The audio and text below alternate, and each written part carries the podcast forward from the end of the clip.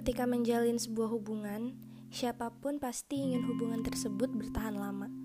Siapa pun pasti ingin hubungan tersebut senantiasa membawa bahagia buatnya maupun pasangan.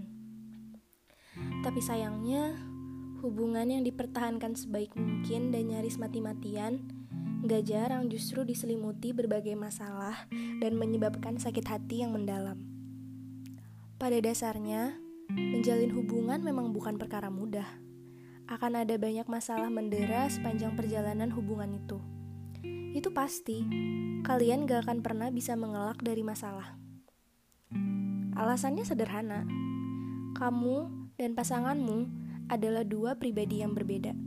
Menyatukan dua pola pikir dalam satu ikatan gak mungkin tanpa prahara dan hambatan.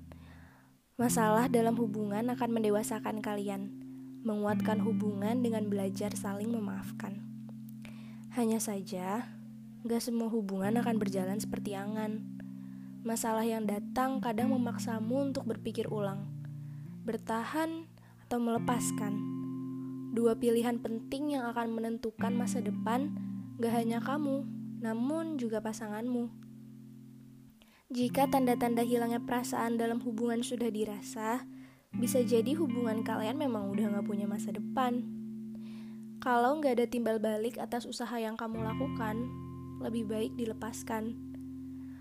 Bahkan kenyataannya nggak sedikit orang yang harus menghadapi kenyataan menjalin hubungan dengan seseorang yang kasar, suka menyakiti fisik dan psikisnya. Hubungan seperti itu sering disebut sebagai hubungan beracun atau tidak sehat. Sayangnya, banyak orang yang enggan meninggalkan hubungan tersebut dan memilih memendam luka sendiri meski sudah sangat kecewa.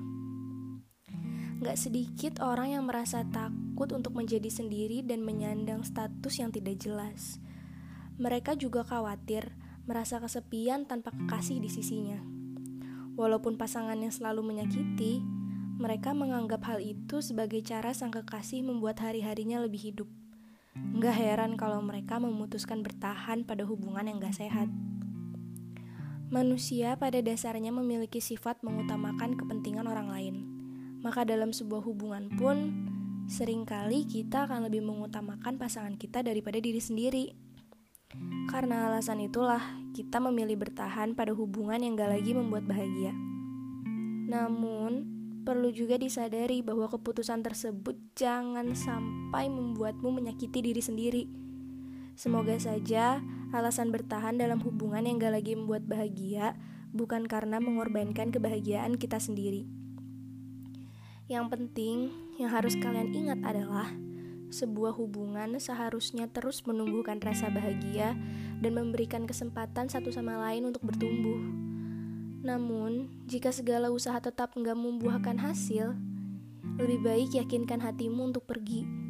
Bertahan di hubungan yang gak punya masa depan, berarti itu akan membuatmu terjatuh dalam lubang luka yang lebih dalam. Bertahan dan melanjutkan hubungan dengan orang seperti itu gak akan memberimu manfaat. Alih-alih membuat bahagia, yang ada malah dia akan membuat hidupmu sengsara. Akan aku selalu doakan untuk kalian semua yang sedang berada di fase ini. Semoga kalian semua lekas sembuh ya.